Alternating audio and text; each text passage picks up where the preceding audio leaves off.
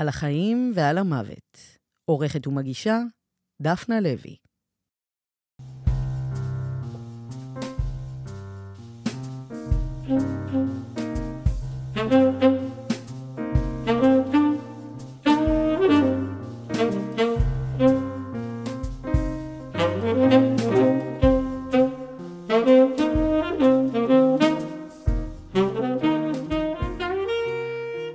כשאביה של שירה גפן מת במפתיע לפני תשעה חודשים בסך הכל, היה לה חשוב להתאבל כמו שצריך, כך היא אומרת. לא לדלג, לצלול אל תוך האבל ולהרגיש הכל. עד שהאבל ששטף את כולנו בשבעה באוקטובר, דחק הצידה את החוויה הפרטית שלה. בכתיבה שלה שירה נגעה לא אחת במוות, נושא שמעניין אותה מאוד, בין השאר בספר הילדים העדין והמיוחד חוט הזהבה. ספר שמוקדש לאחת משלוש הסבתות שהשפיעו מאוד על חייה. דיברנו עליהן, על הסבתות שמתו, אבל הן לגמרי איתה, כל הזמן, וכמובן על אביה, יונתן גפן, שאחת המתנות הגדולות שהוא נתן לה בילדותה הייתה מחברת, ואת הציווי תכתבי. זה מהבית שלו לקחתי, כן. כן? חצי מהסטודיו זה מהבית. גם א' ד' גורדון? א' ד' גורדון של אבא שלי, זה היה, תלוי אצלו בחוץ, במרפסת, השטיח שלו, השרפרף הזה שלו, זה שלו, הדבר הזה שתמיד הוא אהב נורא לעשות קולאז'ים, הוא היה לוקח רהיטים ו... הכל מהכל. כן, ו- ואת יתר הדברים תרמת. את יתר הדברים תרמתי, כן. כן. איבדת אבא, כן. שאני יודעת מבס... על בשרי כמה זה דבר קשה, Mm-hmm. לא משנה בכלל באיזה גיל. ו... כן. ופתאום זה נורא ציבורי, כן, כמו כל דבר שקשור במשפחה שלכם כן. תמיד בתקשורת, אבל כן, פה יש לאנשים מה להגיד על כן. מה שאת עושה, על איך שאת כן. מתאבלת, על איך שאת בלוויה. כן. איך מתמודדים עם דבר כזה בכלל? אה, קודם כל אני רגילה לציבוריות הזאת מרגע שנולדתי, אז זה לא פתאום זה נהיה ציבורי, תמיד זה היה ציבורי. עכשיו, אה, אני חושבת שיש שני המישורים, המישור הציבורי, אה, שבו אבא שלי באמת השתמש בציבוריות הזאת כדי להגיד דברים, ואני אה, הלכתי עם זה, כאילו, כל התרומה שעשיתי, ידעתי שזה יעשה רעש, כאילו, זה, זה היה, בינינו, תרמתי דברים, אני לא יודעת כמה השתמשו בהם, אני לא יודעת כמה זה באמת זה עזר, אבל רציתי להראות, כאילו, יש מישהו שם בצד השני. כן, זאת ואני- מחווה ש... שהיא מחווה, יותר זה- חשובה אפילו בדיוק, מהמעשה. אז הרבה כן. דברים, את יודעת, אה, זה עובד ככה. דווקא במוות שלו, הציבורית, לי זה מאוד עוזר, שאת יודעת שהיצירה שלו נשארת לנצח. אז בעצם מצד אחד הוא לא כאן, מצד אחד הוא כל הזמן יהיה כאן, הוא תמיד, והחלק הטוב שלו, החלק הטהור, החלק הבריא, החלק ה... מה שהוא השאיר זה לנצח, אז מהבחינה הזאת זה לא מבלבל אותי או מעציב אותי או מנדנד לי, אה, זה, אני, זה מנחם. באו גם בטח הרבה אנשים שאת לא מכירה לנחם. כן, באו הרבה אנשים, היו כל מיני, אני לא זוכרת כבר אה, את השבעה והכל, זה היה קצת כמו קרקס, באיזשהו מובן, אה, שבאמת שאנשים שרוצים אה, רוצים לראות מפורסמים, או אנשים שרוצים או להגיד באמת, לבטא את צערם, אבל שלא הכרתי. אה, לי הייתה פינה כזאתי בתוך הבית, אה, זה היה אצל אביב, אז אה, היה לנו בדיוק גור חתולים הם אימצו, והייתי עם החתול, אה, שהרגשתי את הלחץ ואת ה... שאני לא יכולה יותר, אז פרשתי לחתול. אז כן, אבל זה לא באמת, זה, מהבחינה הזאת זה לא העיק עליי, שוב, כמו שאמרתי לך, כי אני רגילה. כן, אבל את הצלע במשפחה שפחות אה, חושפת את עצמה כל הזמן. אני פחות חושפת את עצמי, אבל אני כן רגילה ל, ל, ל, להיות לגור במין בית מזכוכית ושכולם רואים, אז ואני יודעת איך להתגונן ואני יודעת איך להסתיר מה שצריך להסתיר, אז אני מוכנה לדבר הזה. והמוות של אה, אביך בא בהפתעה, נכון? אני ביקשתי לראיין אותו לפודקאסט הזה, כן, כמובן, כי קראתי את הספר שהוא כתב על אימא שלו, כן, וגם אה, אחותו התאבדה, וידעתי שהוא התמודד הרבה מאוד עם אה, ענייני מוות, כן, והוא כתב לי שהוא לא... שהוא לא במצב בריאותי, שהוא לא מרגיש מספיק טוב בשביל להתראיין. כן, בשנה האחרונה, שנתיים האחרונות, הוא הפסיק להופיע, להתראיין, הוא הצטמצם. אה, הוא לא ידע שהוא חולה, גם אנחנו לא ידענו, אז בגלל זה זה היה... זה היה מאוד מפתיע, כאילו אני הצלחתי עוד לגרור אותו, לא לגרור, הוא עשה את זה מרצון, אבל uh, להקריא שיר uh, בטקס טקס יום הזיכרון הישראלי-פלסטיני, המשפחות השכולות. זה היה ממש חודש, לפני איזה שבועיים, לפני שהוא נפטר, אני כבר לא זוכרת, משהו כזה. אבל את זה הוא עוד עשה, כי דיברנו, וחשוב לו לעשות את זה, ובהתחלה רצו לבוא אה, לצלם אותו, והוא לא הסכים להצטל... אה, הוא לא הסכים שיבוא אליו, לא זוכרת מה היה שם, כאילו, הוא לא, הוא לא הסכים לבוא פיזית, וזה היה קשה לו מדי, אז, אז אני ממש זוכרת את, את יום ההקלטות כאחד מה... אולי זו הפגישה לפני האחרונה שהייתה לי איתו, ביום ההקלטות הזה, שהלכנו והוא הקריא את היונה הלבנה. ובמשך התקופה האחרונה, אבל ערכת את הספר שירים האחרון שלו שיצא. כן, זאת הייתה מתנת סיום, פריד, מתנת פרידה, אפשר לקרוא לזה, כי... בלי לדעת שזאת תהיה פרידה. בלי, לדע, בלי לדעת בכלל, זאת אומרת, אני חושבת שאבא שלי, הוא לא ידע שהוא ימות. זאת אומרת, יש אנשים שיודעים, זאת אומרת, מרגישים, הוא הרגיש, אבל היה לו נתק בין ה...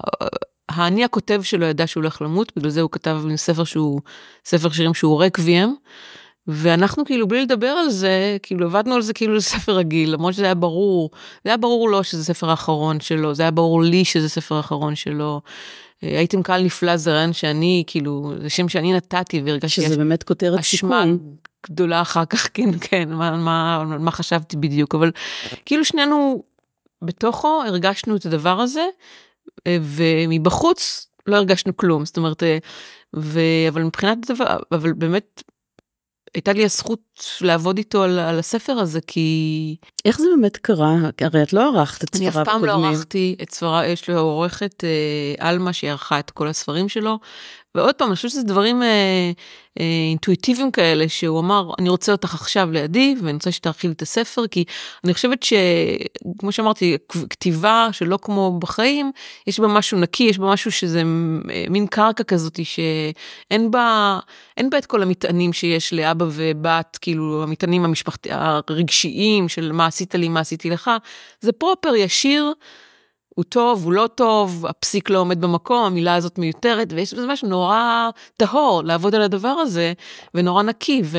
וזה היה באמת אה, כמה, שלושה, ארבעה חודשים של לשבת על זה, וזה היה הרגעים הכי יפים שלנו בסוף, זאת אומרת, שישבנו בגינה שלו, על מול השירים, ואמרתי לו תוריד את זה, הוא אמר לא למה זה, וישבנו ככה ומיינו את השירים וחשבנו, ואז הוא הלך לכתוב שוב, והוא חזר עם נגלה של עוד שירים, ואיכשהו ערכנו את המוות שלו גם, כאילו, זה היה מין טקס לוויה, אפשר, טקס, טקס פרידה, וזה הכל שירים, זה שירים של סוף, זה שירים של סיכום, זה שירים של אה, זקנה, אה, קמילה, כמו איך ש... ו... הוא לא היה כל כך זקן. הוא, הוא היה ילד. כן. אבל הגוף שלו היה זקן, והוא לא הסכים לזה. הילד לא הסכים להיות, אה, לחיות בגוף הזה יותר. הילד ברח. פשוט קם וברח. הדיבור הזה על כתיבה, המצב הטהור הזה שאפשר לדבר בלי מטענים בכלל, זה התרחש גם בנוגע לכתיבה שלך? זאת אומרת, חלקת איתו, התייעצת איתו, כי זה בטח מקום נורא חזק של חיבור ששני אנשים יוצרים בתחומים קרובים. אה, אפשר לומר שזה לא היה סימטרי, כי אני פחות הראיתי לו, הראיתי לו דברים שלי, אבל אני לא חושבת שהיו לי את הכלים להתמודד עם מה שאני כתבתי. אני לא יודעת למה. אה, אבל זה היה, תמיד הוא, הוא מאוד, הוא מאוד אהב את מה שכתבתי, הוא מאוד אה, תמך בי ועודד אותי עם כל סרט, עם זאת מדוזות ובורג ו, ודברים שיצאו לאור חוט הזהב, הכל, כל ספר שיצא.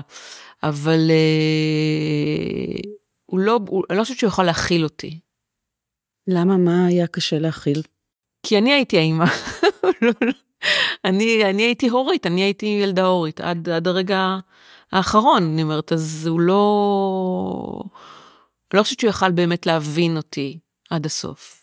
כי במבט מהצד, את יודעת, זה נראה כל כך מעורר קנאה, שיש uh, משפחה שבה כולם מבינים, מבינים מה מניע אותך, מבינים במה את עוסקת. תראי, אני יכולה להגיד, אומר לזכותם של שני ההורים שלי, שהם uh, תמיד תמיד, uh, תראה, אבא שלי נתן לי את המחברת הראשונה בגיל uh, שמונה, הוא קנה לי מחברת ליום ההולדת, מחברת ריקה, כתב לי, תכתבי סימן קריאה. עכשיו, זה הציווי היחיד שקיבלתי מאבא שלי, בחיים הוא לא אמר לי מה לעשות, זה שיעורים, זה בחיים לא, אבל זה הציווי הראשון והיה לזה משקל. אני זוכרת שאני פותחת את המחברת הריקה הזאת, ומה אני עושה, איך כותבים, מה אני אכתוב, בטח ליד אבא כזה, מה אני כותבת, ו... ואמרתי, נכתוב, אבא שלי אמר לי, תכתבי יומן, תתחילי לכתוב יומן, תכתבי לכתוב כל יום, תכתבי משהו כל יום, לא משנה מה. והתחלתי לכתוב, ובהתחלה זה היה, יש לי עד היום, את היומנים שלי, עד הצבא, עד שהתגייסתי, כל יום כתבתי. ו... עשר שנים מאז המחברת הראשונה. כן. ובהתחלה זה היה מאוד טכני, הלכתי לבית ספר, המורה אמרה לי ככה, ולאט לאט, זה, עם השנים זה הפך כלי, ממש כלי ריפוי עבורי, זאת אומרת, אה, הכתיבה הלכה, תמיד רצה קדימה וידעה מה, מה, מה אני מרגישה לפני שאני ידעתי, הכתיבה הגנה עליי מהרבה דברים, זה המתנה של אבא שלי, ותמיד הוא עודד אותי, ותמיד הוא, וגם אמא שלי, הם נתנו לי להיות uh, מי שאני, הם נתנו לי את המרחב, הם נתנו לי אהבה. יודעת, הם, הם דפקו אותי בהרבה מקומות אחרים, ברור, אבל uh, יש משהו במה שנקרא בברזלים, או במהות, בשלד, או בגרעין, שהיה שם של נתינה. אפילו שהיא נתינה לא רגילה של הורים. כי כן. זה לא הורים ש... את יודעת, יחכו לך בבית, תחזרי הביתה, או... אבל הנתינה היא שונה, אבל היא נתינה, אי אפשר להתעלם ממנה, ובטח שעכשיו אני מרגישה את זה אחרי שהוא הלך לעולמו. כן. את כותבת במחשבה עליו גם? זאת אומרת, יש איזה דו-שיח שנמשך ביצירה שלך? אה, קודם כל, היה משהו די אה, מעניין, ש... באמת ארבעה חודשים, שלושה חודשים שהוא הלך לעולמו, כתבתי תסריט קצר. סתם היה לי רעיון ופשוט ישבתי וכתבתי. זה היה, יש מסגרת שקוראים לזה קצר במדבר, במסגרת פסטיבל ערבה, זה פסטיבל נורא נורא יפה שקורה בערבה. והם אה, קראו, נתנו קול קורא למי שרוצה להגיש uh, תסריט, וש, וכתבתי סרט על המדבר, כי כבר הרבה זמן אני רוצה לכתוב משהו במדבר, זאת אומרת מהרגע ש... זאת אומרת, אני, אני אוהבת את המדבר. אמרתי כאילו, לכתוב משהו, מה שעולה לי בראש עכשיו, וישבתי וכתבתי סרט קצר של 15 דקות. דקות ו... על מה? על משפחה, אבא, אמא וילדה, שנוסעים, אה, לח... שהאימא של האבא הלכה לעולמה, והם מחליטים לנסוע לחופשה במדבר, ממש אחרי שהם קמים מהשבעה. ואין שם שום כאילו רצון, כאילו האבא נמצא בעולם שלו עם האימא שלו שמתה, האימא רוצה לים בכלל, שהוא, שהוא שם נסיעה אבל אף אחד לא רוצה לנסוע לשם, והילדה כלואה ביניהם כאילו. ובעצם אה, הכל עובר דרכה, הילדה היא מין ספוג כזה שהכל עובר דרכה ו, ואין לה שום השפעה, אבל היא מין אה, אה מעורבת אבל בלתי מתערבת. זה קצת סרט כמו אגדה, וביום שהודיעו לי שקיבלתי תקציב, הלכתי להיפגש עם אה, אייל שיראי, שהוא אה, מנהל הפסטיבל, אה, כדי שנדבר על עניינים וזה, זה היה יום רביעי, וישבנו ואמר לי, נותן לך כסף לסרט, ויש אישור לסרט, ונורא שמחתי, וחזרתי הביתה וקיבלתי את הטלפון שאבא מת. ואחר כך צילמתי את הסרט אגב לפני שבועיים, זה הסרט שאת מתחילה את העריכה שלו עכשיו? כן. יש שם סצנה, ממש ילדה, אבא כאילו, אה, יש שם איזה ריב בין ההורים באמצע המדבר, ליד המדורה שם, יש שם מדריכה אה, שהיא מראה להם, עושה להם תצפית כוכבים, ויש שם סצנה שהילדה מסתכלת על האבא, מתרחק ממנה, והיא רואה רק את, ה, את הלהבה של הסיגריה, עד שהוא נעלם, ועל רקע ההיעלמות שלו שומעים את המדריכה מדברת, מסבירה למשפחה אחרת, מה זה חור שחור. כן. שחור שחור בערך זה, זה המקום הזה, הגבול, זה הגבול שבו עוד רואים את, ה, את החור השחור, רק ככה רואים חור שחור, ואחרי שמה שנבלע לשם נעלם לתמיד. כן. וזה סצנת פרידה, כאילו, ו... כאילו הרגש, כאילו ידעתי שזה הולך לקרות. אני ידעתי והוא ידע, ולא... וזה זה היה שם ולא היה שם. לא דיברנו ולא ידענו גם, האני הרגיל שלנו, לא... יודעת, הוא קבע פגישות לאחרי, אני כאילו, היה לנו רעיון, היה עוד ספר שמדובר שאני אולי אערוך, זאת אומרת, זה לא היה, זה לגמרי לא היה, תקשיבי, אני זה, אני, אני רוצה לגמור עם זה. אבל כל הרמזים, הכל היה שם כבר על השולחן, הכל, כל הרמזים היו שם, כל ה, הכל היה שם. הוא כן. ידע, אני ידעתי. הסרט הזה נולד, זאת אומרת, יש לו אחיזה במציאות. האימא של האבא, וזה היה דבר מאוד נוכח, זה דבר שידעת עליו, על ההתאבדות של אימא שלו, ו... תראי, זה נורא מעניין, כי יש משהו ש... זה סיפור ממש מעניין, כי כשהוא היה עוד בחיים, לפני המון שנים, כמה, עשר, שש, אני אומרת כל הזמן, עשר, שש שנים, אין לי מושג, אחת לחודש. זה בסדר, מגיעים לגיל מסוים שהזמן מתכווץ, מתרחב. אין לו, אין לו שום... לפני, כשהייתי בת, בוא נתחיל, כשהייתי בת 20, אז אבא שלי אמר לי, תקשיבי, התקשרה מישהי שטוענת שהייתה חברה של אימא שלי, של אביבה, יש לה התכתבות שלה מגיל 14 עד גיל 20, זה 100 מכתבים, מכתבים של, של אביבה, והיא רוצה להעביר לי אותם. את מוכנה, לק... הוא גר במושב, אני גרתי בתל אביב, והיא הייתה, לא זוכרת, רמת גן, את מוכנה לקחת? אמרתי, כן. לקח. איזה מזל שפעם התכתבו עם נייר, ממש, עם משהו ששורד. ממש ממש. ונסעתי ולקחתי את המכתבים, ואז אבא שלי, כמו שהוא יודע, אמרתי לו, אבא, מתי אני מביאה לך את המכתבים? הוא אמר לו, לא, תקראי אותם, תקראי. אני המגן האנושי, אני צריכה לקרוא. אז uh, ישבתי וקראתי את הכל בבת אחת, כי אני בן אדם סקרן וזה עניין אותי, כי לא הכרתי אותה.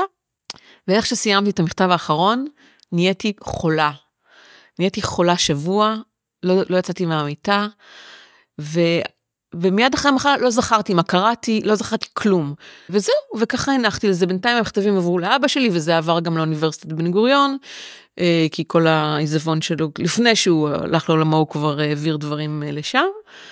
אה, ואז לפני איזה שנתיים אמרתי, וואלה, מה זה המכתבים האלה? כאילו, זה עבר, זה עבר דרכי, ולא באמת, אני לא זוכרת מה היה שם. רגע, זה מכתבים שהופיעו לפני שהוא כתב את הספר על אימא שלו? כן. הוא לקח, לפי דעתי הוא, הוא לקח משם איזה מכתב או שניים, הוא כזה השתמש בהם. אני לא חושבת שהוא קרא את כל התכתובת, כאילו זה קשה מדי. ואז ביקשתי מהאוניברסיטה שיסרקו לי וישלחו לי, ושלחו לי. ופשוט אה, נדהמתי מהאישה הזאת, כאילו, באמת כולם, משה וכל הגברים, משה דיין וכל הזה, אבל לא מכירים את, ה, את אביבה, ואביבה כאילו... שהייתה אחותו. שהייתה של אחותו משה. של משה, כן. סבתא, סבתא שלי. כן. שאני קרויה על שמה, שירה אביבה.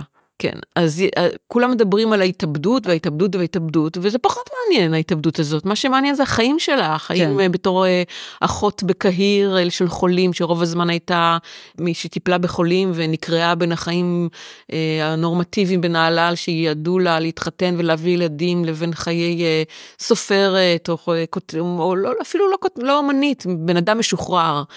והמכתבים, והמכתבים מספרים, כן, היא הייתה בן אדם אה, דיכאוני, אבל לא יודעת כמה, אולי לא נראה לי שאני, היא פחות דיכאונית ממנה, לא כזה דיכאון, אבל היא דיברה על דיכאון בתקופה שלא לא דיברו על דיכאון. ולא היו את התרופות. אז התיאור, ובגלל שהיה עושר של שפה, אז איך שהיא מתארת דיכאון זה דבר אה, כל כך מעניין, זאת אומרת, איך היא עושה את ההבדל בין עצב רגיל ש, שמגיע אלייך לבין עצב שהוא תהומי, שאי אפשר לצאת ממנו, זה מרתק.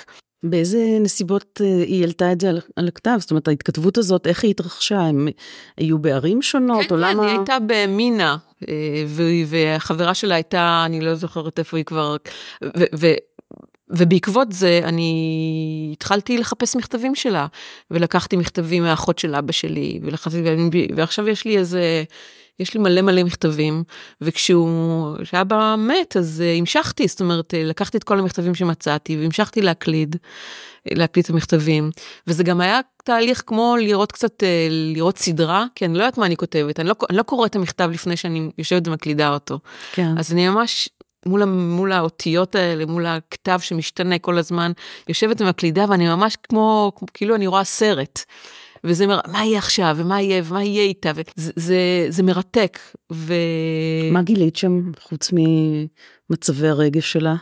זה עדיין טרי, כי ממש סיימתי לפני לא מזמן להקליד הכל, ו... אבל גיליתי בן אדם מרתק מעבר להכל. גיליתי, קודם כל, נורא מזדהה איתה בהרבה דברים. אה, הייתה בן אדם אה, שמאוד לא, לא נורמטיבי בתוך סביבה חונקת ומוסכמות. כל איך שהיא מדברת על, אה, על אנשים, נשים שאין לה מה לדבר איתם, נשים שמדברות כל הזמן על, על המשק, משק הבית והילדים, ואין לה כוח לזה. היא אומרת, היא כותבת את זה נורא נורא יפה.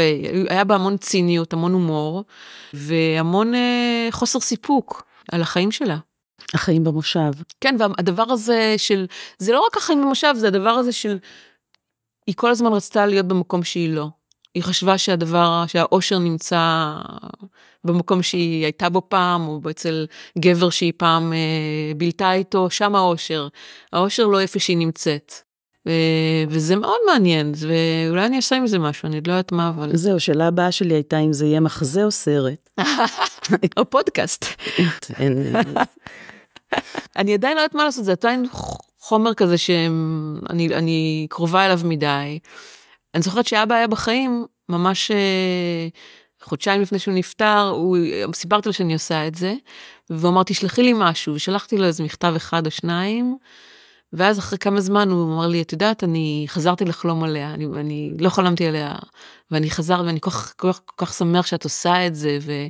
אז גם יש לי איזשהו כזה רצון אה, לתת את זה בשבילו, את יודעת, מין אה, להחזיר את האימא לאבא, להחזיר אותי לאימא, כאילו לסגור מעגלים ככה, כן. דרך המכתבים.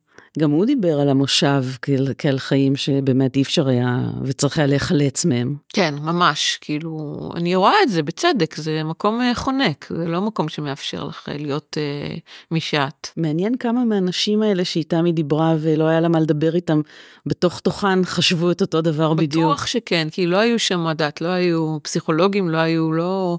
זה החברותה. אבל כן. אה, באמת זה היה מאוד אה, קשוח. כן. לומר את זה, לחיות בתקופה. אז יש גם משהו ראוי להערכה בזה שאבא שלך יכול היה לפרוס את ה... גם את הכאבים, גם את ה... תראי, הוא לא, אני לא חושבת שהוא יכל אה, לפעול אחרת כדי לחיות. הוא חייב היה להוציא את זה, הוא חייב לאבד את זה, לכתוב על זה. וגם בזכות זה אני יודעת הרבה דברים שלא הייתי יודעת, אם לא היה מדבר ולא היה מספר. ו... הוא כתב הצגה, נו העמק, על כל החיים בכפר, נורא נורא יפה. עלתה בזמנו בבית לסין. הוא כתב את שיני חלב. הוא כתב את שיני שלא קראתי. אה, באמת? אני זוכרת את זה בתור ספר כזה שהשפיע על נעוריי. זה היה קרוב, קרוב, קרוב כאילו, שהוא, יש ספרים שלא קראתי שלו, שהיו קרובים אליי, כאילו, שהוא, זה היה מדי, כאילו, קשה לי. אבל עם שיר לשירה את אה, מזדהה? אה, שיר לשירה אני מזדהה. כן, זה שיר, זה שיר, אה, זה השיר הכי יפה בעולם מבחינתי. אבל גם יש את הממד הציבורי הממד האישי של השיר הזה ושני דברים שונים. קיבלת ממנו דברים שלא התפרסמו? בטח. אני פה אותם. מלא דברים, הוא כתב לי נונסטופ, קודם כל בתקופות, היו תקופות שהוא גר בניו יורק, שהוא ילד ש... עם המשפחה שהתחתן עם אווה ונולדה נטשה והוא היה תקופה בניו יורק. והוא היה כותב לי עכשיו מצאתי מלא מכתבים שהוא כתב לי. והוא כתב לי מלא שירים ואני חושבת שאני הבן אדם שהוא הכי כתב לו, אני חושבת. באמת מצאתי, זה מצחיק, כי כל, ה, שכל הארכיון שלו, כל, כל הדברים שמצאתי זה אצל אמא שלי מצאתי, לא אצלו. אמא שלי אספה אותו יותר משהוא אסף את עצמו, הוא ניסה להתפטר, להיפטר מעצמו, אבל אמא שלי זאתי שהחזיקה. אז מצאתי איזה מזוודה עם מלא עיתונים, אה, פנקסים, הדברים מהמלחמה, מלחמת יום השחרור, מלחמת יום כיפור. והוא המון כתב עליי, הייתי תינוקת, הייתי בת שנתיים. כאילו, כל הזמן כתב עליי שם, תדעי לך מה קורה פה, מה זה, ילדה בת שנה. כתב אלייך. אליי, אבל הוא לא, לא חשב שאני אראה את זה, כן, אבל ברור. הוא כאילו, החזקתי משהו בשבילו שם. אני חושבת שכל החיים החזקתי, החזקתי בשבילו. ועולם אחר לגמרי אחרי שהוא איננו? לא. תשמעי, האבל שלי נגמר בשביל אוקטובר. זה עוד לא עברה שנה. כן. ו... אבל בשביל, ואני חושבת שההתאבלות שלי היה לי מאוד חשוב להתאבל כמו שצריך. זאת אומרת, לא לדלג על זה, לא להדחיק את זה, לא, בגלל זה גם עשיתי כל מה שאפשר עד הסוף, זאת אומרת, הבית שלו, שיש אנשים שמחכים חודשים, שנים, עד שהם, אני איכשהו, אחרי שהוא מת, בית יצחק הלכתי שם וישבתי בין כל, והסתכלתי על כל פריט וכל דבר, ומיששתי והערכתי וקראתי וספגתי והפנמתי, ובכיתי, וכאילו, לא דילגתי על שום שלב, כי אני מרגישה שאבל יכול להיות משהו שנורא תוקע.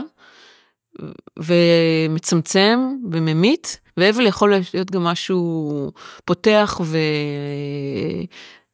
אם לא מפחדים לשקוע בו, וללכת איתו ולטבוע בו, ואני טבעתי בו חופשי כאילו, כי ידעתי שאם אני לא אעשה את זה אני...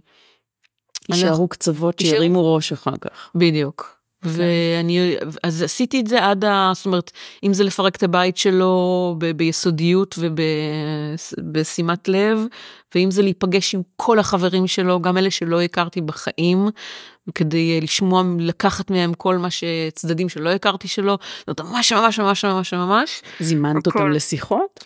נפגשתי, כאילו, מי, הם, מצידם כולם רצו כאילו להיפגש ורצו לתת, ואני רציתי, רציתי לשמוע, רציתי... כשאבא שלי היה אצלו ספר, היה נורא חשוב uh, להיפגש עם כל החברים ולהקדיש להקדיש את הספר, ממש כזה היה טקס כזה. אז עשיתי את זה במקומו, עשיתי את הטקס הזה, קבעתי עם כל החבר ונתתי את הספר, ו... ואז בשביעי לאוקטובר, אבל מדינתי שטף את המדינה והפסקתי לבכות והפסקתי להתאבל והתגייסתי למה שקרה כאן כי עם כל הכבוד לאבא שלי ולמוות הטבעי פתאומי אך טבעי ש... שהוא עבר, היה פה דבר כאילו מפלצתי. מבחינת... אה, שבמידה רבה, דרך אגב, אבא שלך אה, דיבר עליו בהרבה מאוד דברים שהוא כתב והתריע קודם. נכון, אבא שלי התריע וידע, ובגלל זה כל, כל הדיבור הזה של התפכחתם, כן? איזה התפכחתם, אז היינו מפוקחים מלכתחילה, כאילו, כן. המדינה היא זו שהיא לא, הלא מפוקחת והעיוורת. כן. זה דברים שכל הזמן דיברנו עליהם והצפנו אותם, גם אבא שלי וגם אני וזה וזה. אז כן, זה, אני, זה ברור שזה הפתיע, זה הפתיע בדרך, בדרך, בברבריות והאכזריות ואיך שזה קרה. אבל אה, זה לא היה בוואקום, זה לא... ההוא מהאו"ם שאמר אה, זה לא הגיע מוואקום וכולם כזה אמרו מה איך הוא אומר כזה דבר לא, נכון זה לא הגיע מוואקום.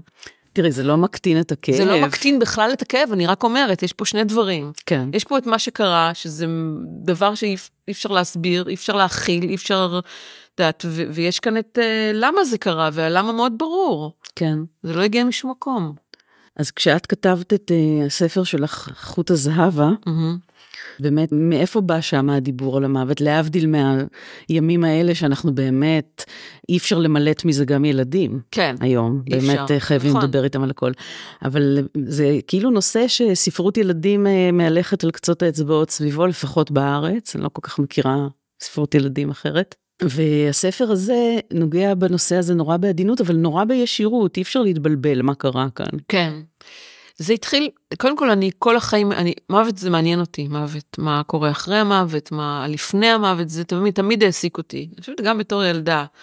כשהגעתי לכתוב, כשהתחלתי לכתוב, אה, התחלת הקריירה שלי בכתיבה זה בערוץ הילדים, שרק התחיל לפני 30 שנה, לא זוכרת כבר מתי, וכשהתחלתי לכתוב, אני זוכרת, כתבתי פרק, רציתי לכתוב פרק על מוות ולא נתנו לי.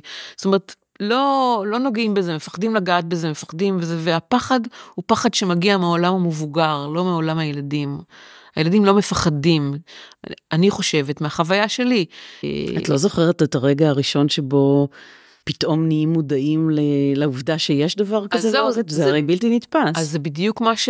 הספר, הספר איכות הזהבה שכתבתי, אה, זה בדיוק על זה, כי המוות הראשון שאני הכרתי זה מוות של סבתא רבתא שלי, של סבתא של אבא שלי, סבתא זהבה, שהייתי מצד מאוד... מצד אימא שלו. מצד, מצד אה, אבא שלו. נכון, מצד אבא, אבא שלו. שלו. ולכן לא מצאתי עליה שום דבר, בשום מקום כן, חיפשתי אותה. את רואה, לנשים לא וכאילו... לא כתבו כלום, והם כן. היו, הם היו גיבורות, הם היו נשים מדהימות. אז הנה, גם היא הונצחה, סבתא זהבה, אחות הזהבה, שהייתי מאוד קרובה אליה, והיא הייתה אישה נורא יצירתית, וכמו שאבא שלי היה אומר, היא הייתה עושה מגלעין מישמיש כיסא, היא הייתה יכולה לעשות. היא סרגה הכל ומהכל ולהכל, והייתי מאוד קרובה אליה, ושהיא הייתה... איפה היא גרה? הייתה גרה בגבעת, וואי, לא, איילת השחר אולי? אני לא זוכרת כבר איפה הייתה גרה. הייתה גרה בבית שלה. כן, הבית של סבתא זה מקום. זהו. זה כתובת. אז זה הכתובת שהייתה לי. וכשהייתי בת אה, ארבע, היא חלתה מאוד, אני אפילו לא זוכרת במה. ואני זוכרת, ו, ומה שאני זוכרת, כי אני לא זוכרת דברים מה, מה, מהילדות שלי, שקראו לי ואמרו בואי, לא יודעת אם אמרו לי תיפרדי ממנה, אבל בוא, הם, כנראה זה הייתה, היה עבורם פרידה שלי ממנה. ואני זוכרת אה, שישבנו בחדר, זה לא היה בית חולים אפילו, זה היה בית, ולפני שנכנסתי לחדר שלה, אני זוכרת שההורים שלי אמרו, זה, זה, זה נכון אה, להפגיש את הילדה עם סבתא, כשהיא, איך שהיא נראית ואיך שהיא מרגישה וטטטה. אה, הם נזכרו פתאום שצריך להתייעץ עם אנשי חינוך ושיש דרכים לא, לגדל ילדים? לא, ביניהם. ביניהם כזה נראה לי או משהו כזה כי היא נראית לא טוב וזה וזה ואני חושבת שאני אני, אני חושבת שאני התעקשתי להיכנס. בתור ילדה, שאני רוצה לראות אותה. ונכנסתי לחדר, ואני זוכרת אותה שוכבת במיטה. אה, הייתה לה יד נורא נורא נפוחה, זרוע ממש ממש נפוחה נפוחה, וישבתי לידה, ופשוט אינסטינקטיבית ליטפתי לה את הזרוע, שאני זוכרת עד היום את המגע החמים שלה, הייתה מאוד, הייתה חמה. והסתכלה עליי והקרינה לעברי המון אה, אהבה, המון אהבה, ושום תחושה של אה, טרגיות או סופיות, או פשוט הייתה מפגש, אני זוכרת המון אור בחדר, והמון אהבה בחדר, והמון רוך בחדר. ויצאתי מהחדר וזהו, ואני לא זוכרת את המוות שלה, אני לא זוכרת uh, שבעה, אני לא זוכרת uh, היעלמות אפילו.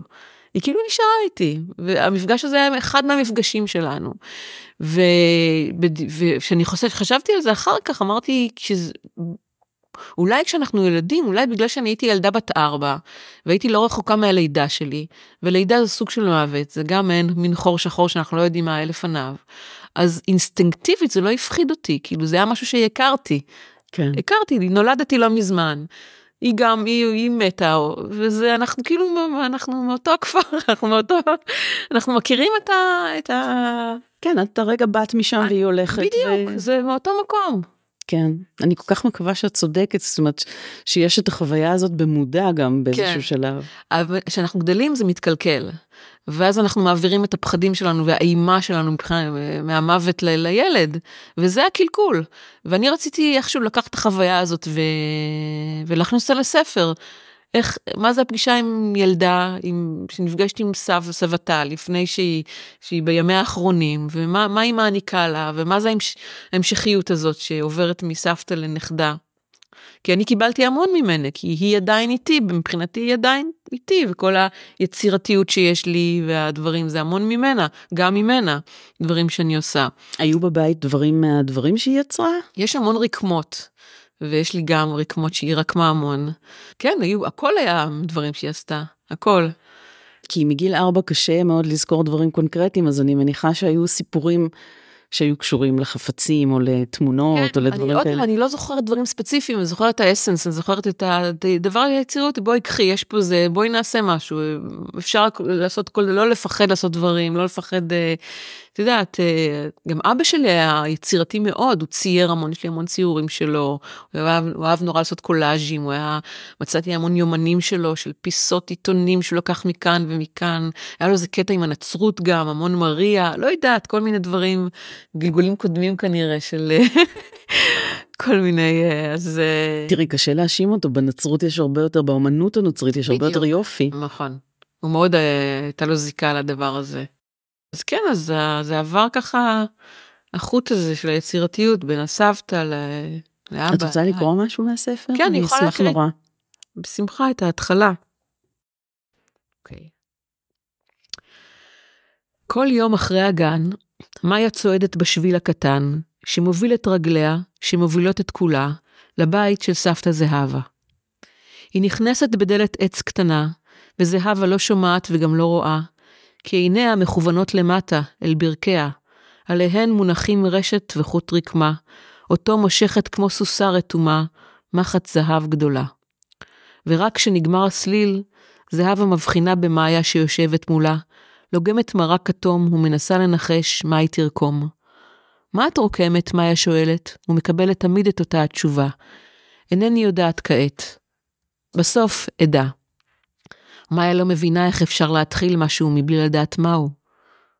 היא ניסתה הרבה פעמים לשבת מול הדף הלבן מבלי לחשוב, אבל תמיד כשלקחה את הצבע בין אצבעותיה והניחה על הדף, משהו צץ בראש. ברוש. וכשנגמרו לה הגוונים הירוקים, היא עברה לסגול, כי אבא אמר לה פעם שבאמנות מותר הכל. וכשהושלם הציור ונתלה על המקרר, מאיה הביטה בו וחשבה, חבל שהוא נראה לא אמיתי, חבל שהוא לא חי, כמו הרקמה של סבתא. ואז סבתא באמת הולכת ומתעייפת ומתכופפת ומתפוגגת לה בתוך הכורסה. היא דרך אגב מצוירת כאן באיורים של מאיה שלייפר שהם נורא יפים. נכון. אה, ממש סבתא קלאסית כזאת עם גולגל השיער האפור, נכון. אסוף כזה מאחורה. לא דומה בשום צורה לאימא שלך שהיא סבתא של הילד שלך. כן. והיא גם כבר בגיל מבוגר. כן, כאילו. אבל היא גם, כמו, כמו אבא שלי, הם ילדים. הם ילדים בגוף של אנשים מבוגרים. בכלל סבתות שרואים היום מסביב, הן לא, לא נראות כל כך ככה, לא. ופתאום הן נעלמות. נכון. כי אין ברירה, כי אי אפשר כן. לחיות לנצח גם נכון, אם... אה, נכון, נכון. אבל הבנתי שזה לא הסבתא היחידה שהייתה לה נוכחות משמעותית בחיים שלך. הייתה את סבתא שלי, את אימא של אימא שלי. יש כן. כאן, אה, תלויה פה רקמה שלה גם, היא גם הייתה רוקמת. זאת. סבתא גאולה? סבתא גאולה, כן, שהיא הייתה מאוד משמעותית, גם אה, די, גם גידלה אותי, ו... וכן, ואומנם הייתי, כשהיא, כשהיא הלכה לעולמה הייתי כבר אה, בת 20 פלוס, אולי 30 אפילו, אבל גם זה לא נראה לי, אני מתגעגעת אליה, אבל היא היא איתי, הסבתות איתי, בוא נגיד ככה. אבא שלי אני עדיין לא יודעת, עדיין יש לה אזור דמדומים, אבל, אה, אבל הסבתות איתי, כל הזמן. אבא שלך כתב פעם איזשהו, איזו רשימה באחד העיתונים על אוכל, ושם הוא כתב על סבתא גאולה, שבמותה היא לא רק העציבה אתכם, היא גם הפכה אתכם לרעבים. תראי, כל עניין האוכל זה קצת מיתוס, זה הכל בסדר, כאילו, זה, ש... סבתא שלי בישלה אוכל אה, נורא נורא טעים, ו... זה אימא של אימא שלך? אימא של אימא שלי, כן. והיא הייתה הגורם, הגורם המאכיל במשפחה. זה היה פחות חזק בבית שלנו, אוכל, אבל בסדר, זה לא... באמת, אני עברתי את השלבים של... אה, עם כל הקושי, גדלתי טוב, אני בסדר, קיבלתי טונות אהבה. לא, לא, סתם, מעניין כן. אותי איפה העקבות שלה, של אה, הסבתא הזו. אה, של, אה, יש שם הרבה עקבות, אבל אה, זה לא, היא לא הורישה את עניין הבישול לאף אחד, זאת אומרת, חדוות הבישול גם לי אין. אני לא אוהבת את המטבח. לא, אני לא יצירתית שם, כאילו, יצירתית. טוב, את גרה בעיר שאפשר אה, כל דבר נכון. להשיג בקליק. נכון, אני משתדלת לבשל כמה שצריך, אבל אני לא, זה לא המקום היצירתי שלי, נגיד המטבח. ואיזה מין תגובות את אה, מקבלת על, ה... על הספר. על הספר? אה, ילדים, אה, זאת אומרת, כמו שאמרת, רצית, לק... רצית לקחת את הספר מהשכן והוא לא, השכנה. לק- מהילדה שנתנה לי לקרוא את זה לא הסכימה להיפרד ממנו. אז זהו, זה כבר, כבר קרה לי כמה פעמים שאמרו לי, הילדה לא רוצה להיפרד מהספר, אז נראה לי זה סימן טוב. כן, ילדים הם בעיקר, אה, הם כנים, שזה, אני אוהבת את זה, אז אה, כשאני מקבלת אה, מחמאה על ספר מילד, זה, אני מאמינה לו. יש לך מפגשי סופרת עם ילדים על הספר הזה? אה, הספר הזה, תראה, הספר הזה הספר הלפני האחרון שכתבתי, הספר האחרון שכתבתי זה היה עם אתגר, העץ שאף ילד לא דמיין, אז איתו עשינו מפגשים יותר.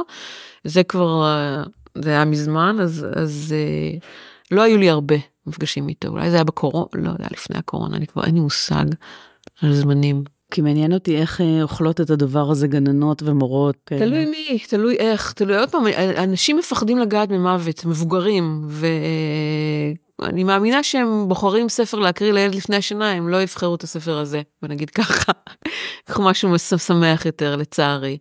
אז... אה, למרות שזה ספר מאוד מנחם, זאת כן. אומרת, יש כאן מוות, אבל העולם לא נגמר, נכון, ו- נכון, ויש איזשהו חוט זהב שאפשר. להיאחז בו, נכון, כן. נכון. בעיקר אם היו חוויות טובות, כן? נכון, היה- נכון. אני שמתי לב שמונח פה ספר המתים והחיים הטיבטי, זה את הבאת במיוחד לשיחתנו? כן, הבאתי כי uh, תיארת לעצמי שנדבר על אבל, וזה ספר שמלווה אותי גם uh, ליד המיטה. יש את ספר המתים הטיבטי, שהוא המקור, והוא הספר שאי אפשר, לק... אני לא מבינה אותו. כלומר, מי שלא יודע את, ה... את הבודהיזם הטיבטי, הוא לא, לא יכול להבין, וזה ספר בעצם על הגלגול נשמות, על מה קורה אחרי המוות, הכנה למוות, אה, תפילות על מוות וכל המסביב. איך ו- בכלל הגעת אליו? מעניין, מוות מעניין אותי, זה נושא שמעסיק אותי. אה, ו... ואז שהגעתי לספר המתים וקראתי אותו ולא הבנתי מילה וחיפשתי שזה הספר שהוא בעצם מפרש את הספר, מסביר עליו, והוא מרתק. תופס את המוות כלא דבר סופי, לא דבר רע בהכרח, ודבר שמאפשר דווקא שינוי. אה, ויש משהו כזה, רציתי להקריא על אבל, ש... אני אשמח, אבל יותר מכל אני אשמח אם תסבירי לי איך מפנימים את הדבר הזה, כי להבין את זה ב- בשכל, לקרוא את זה ו, ונגיד משפט כמו המוות איננו סופי, כן. אה, יש בזה משהו שאני מרגישה את הכמיהה להרגיש את המשפט הזה, לא רק להבין אותו. אני יודעת שזה לא סופי, משהו בתור, אני, אני בן אדם, נראה לי שעבר, אני, אני לא נראה לי שאני נשמה, נשמה חדשה.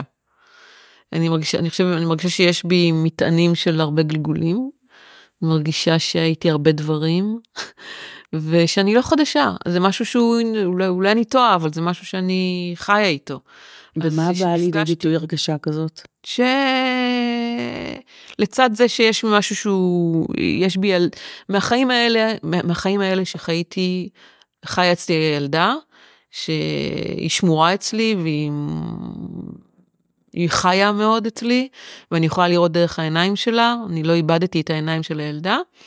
יחד עם זה, גלגולים קודמים, אני, יש בי כל מיני גילאים, זאת אומרת, אה, אני נשמעת, זה קצת... לא, אני מתארת לעצמי שאת לא מתכוונת לזה שאת אה, קמה בבוקר ופתאום את איזה נסיכה לא, פרעונית. לא, לא, לא, לא, לא. זה, זה, אני כאילו שכבות, את יודעת, לכל דבר יש שכבות, ואני צברתי אבק ושכבות במשך הרבה, נראה לי מיליוני שנים, אני לא איזה משהו, התודעה שלי היא לא, היא לא תודעה של 52 השנים שאני חיה, זה משהו מעבר לזה.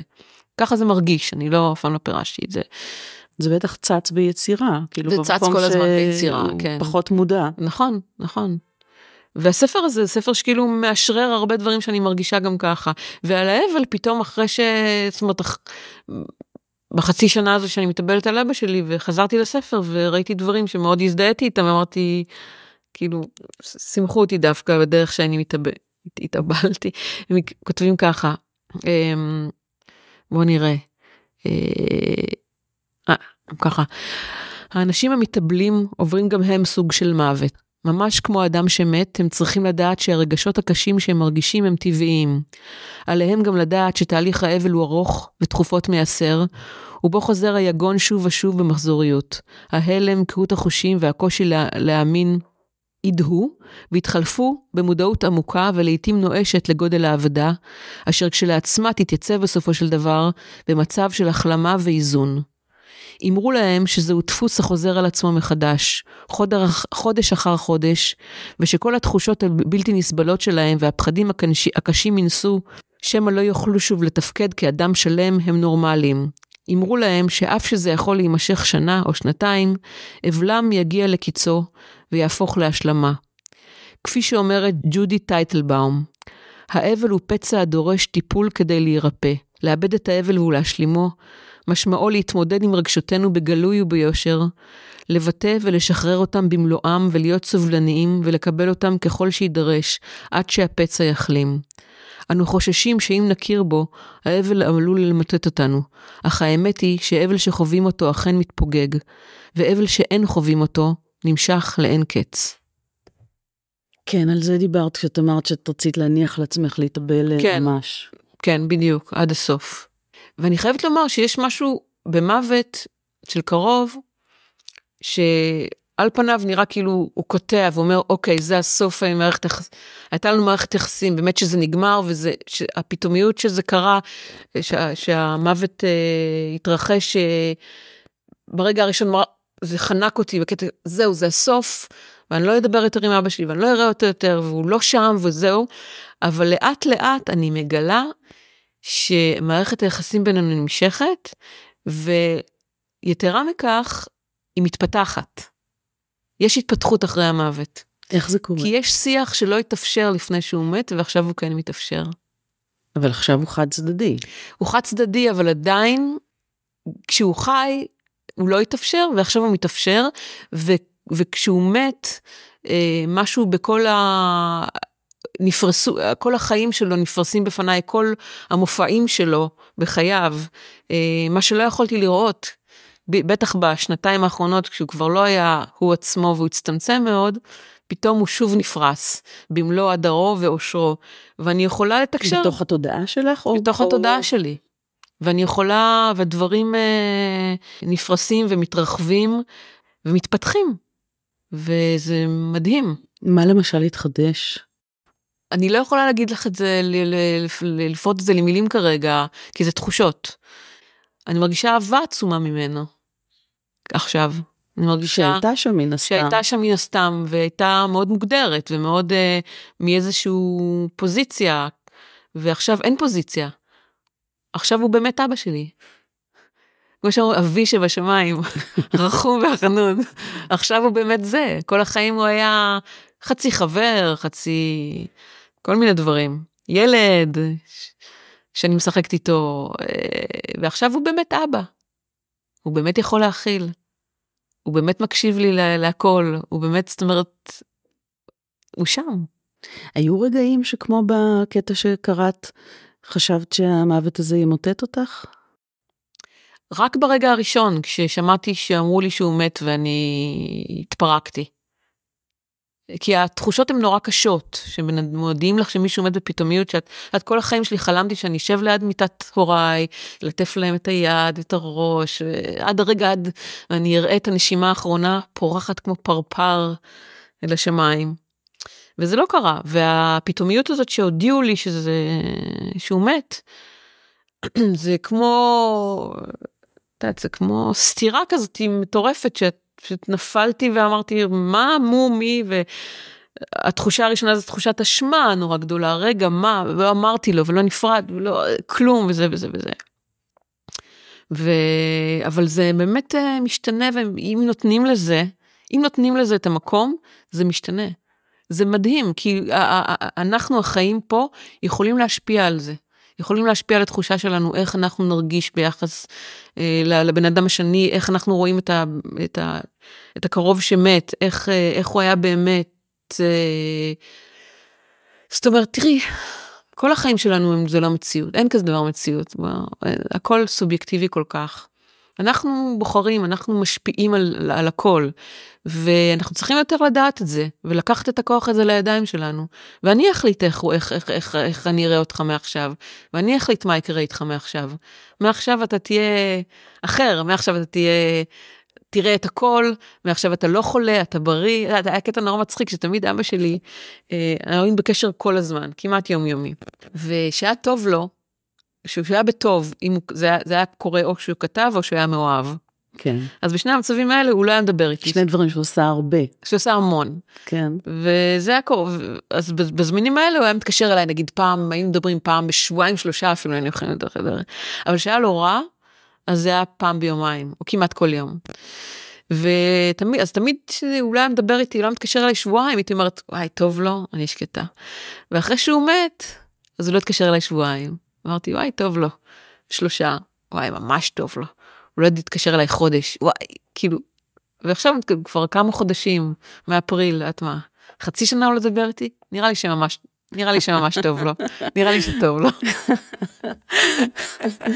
זה דרך נהדרת לראות את הדברים. זה, אתם גם מדברים עליו הרבה? זה עוזר שיש עוד אנשים שבעצם שותפים לאבל הזה, שכל אחד מכם באמת יש לו... האמת שכל אחד מאיתנו נורא, בגלל שמערכות היחסים בין, של כל אחד מבני המשפחה היה נורא ספציפי ואחר, אז כל אחד לוקח את זה אחרת, וזה נורא אישי.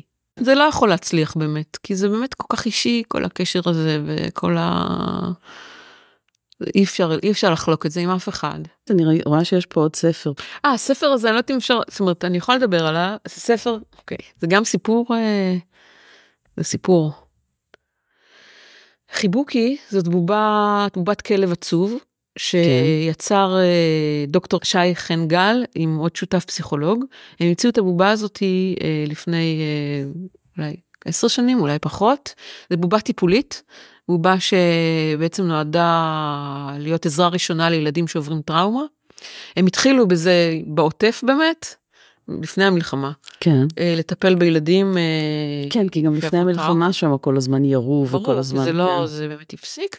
ואז המשיכו אה, נסעו עם זה, עם הבובה לאוקראינה למלחמה, ואז לטורקיה, שהיה רעידת האדמה, לטפל בילדים.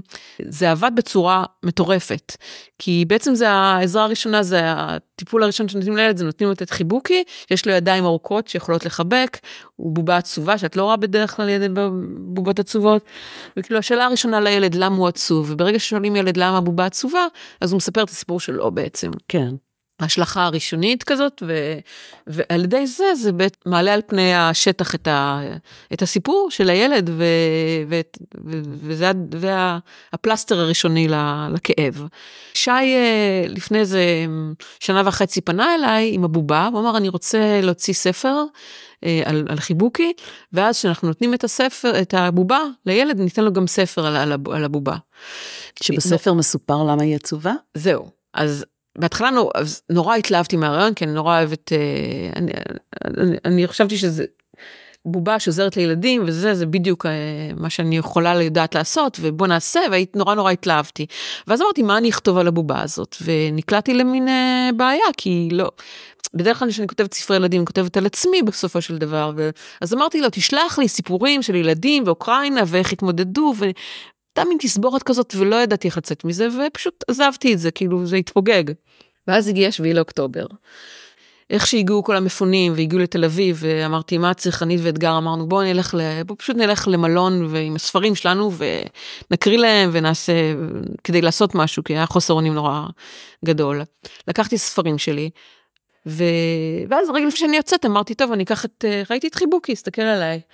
אז אמרתי יאללה. אה הוא יושב פה. כן. שומר עלינו. כן. אז אמרתי, ניקח אותו, ניקח אותו איתנו. ולקחתי איתו, לק, לקחתי אותו, והגענו, הגעתי למלון, ובאמת אה, התחלתי, התפצלנו אתגר ואני, סליחה, זה היה בשפיים בסוף, כן, נסענו לשפיים, התפצלנו, אתגר הלך לקבוצה, ואני ישבתי פשוט על הדשא, והתחלתי לקרוא ספר שלי, בהתחלה היו הרבה ילדים, ואז כולם התפיידו, לא היה לאף אחד כאילו ראש לשמוע סיפור, ונשארה נשארה ילדה אחת, ילדה אחת וילד, ילד וילדה. ונראיתי שהם כבר לא בעניין, והסתכלתי על חיבוקי ואמרתי, תכירו, זה חיבוקי, אבל לא אין לי מושג. הנה זאת הבובה, קוראים לה חיבוקי, והיא מחבקת כל מי שרוצה, התחלתי להמציא עליו סיפור.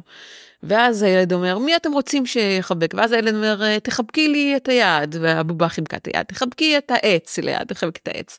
ואז, והילדה יושבת ושותקת, יושבת עם מבט מאוד עצוב. ואז אה, ילד אמר, אה, הסתכל על הילדה שלא אמרה מילה כל המשחק הזה, ואז אמר, אה, אני רוצה שחיבוקי יחבק את הלב של הילדה. כן, אי אפשר להמציא את זה, את יודעת, זהו, את הדברים האלה. אני לא יכולתי להמציא כזה דבר. כן. אז כמובן חשבנו איך עושים את זה, ואז לקחנו את הידיים סביב החזה כזה, הוא חיבק את הלב, ילדה קטנה כזאת חיבק לה את הלב. ואז התקשרתי לשי, אמרתי לו, שי, יש לי סיפור לחיבוקי. וישבתי וכתבתי את הסיפור שזה מעין ספר הסבר איך, איך, איך, איך, מה עושים עם הבובה הזאת, ש... אז אין פה כל כך עלילה, זה איך, מתעס... איך בונים את, איך, איך, איך אה, מתנהגים עם הבובה ואיך מחבקים לב. זה הסיפור, שהסיפור הזה הילד נתן לי את הסיפור, לא אני. והספר הזה יצא ממש לפני יומיים. דוד פול, ישר, ישר הלכתי לדוד פולונסקי כמובן, המהר שאני תמיד שמחה לעבוד איתו, ואמרתי, מה אתה אומר, אתה מוכן לאייר את, ה, את הסיפור, והוא ישר הסכים. וזה הספר, זה הספר שחיבוקי הוא יצא ממש עכשיו, ואנחנו, ויחלקו אותו יחד עם ה... עם הבובה. עם הבובה, הנה מאחורה, אני יכולה להקריא מה כתוב מאחורי הספר, רק כדי ש... אם חיבוקי נראה לכם קצת מוטרד, זה אולי כי קשה לו להסביר שעצוב לו איפה שלא רואים, רק מרגישים עמוק בפנים. איפה שנולדים הצער והאושר, השמחה והכאב, שבעצם כואב לו הלב. איך מטפלים בלב? כן, זאת שאלה קשה. אה, שירה, תודה רבה לך. בבקשה, תודה לך.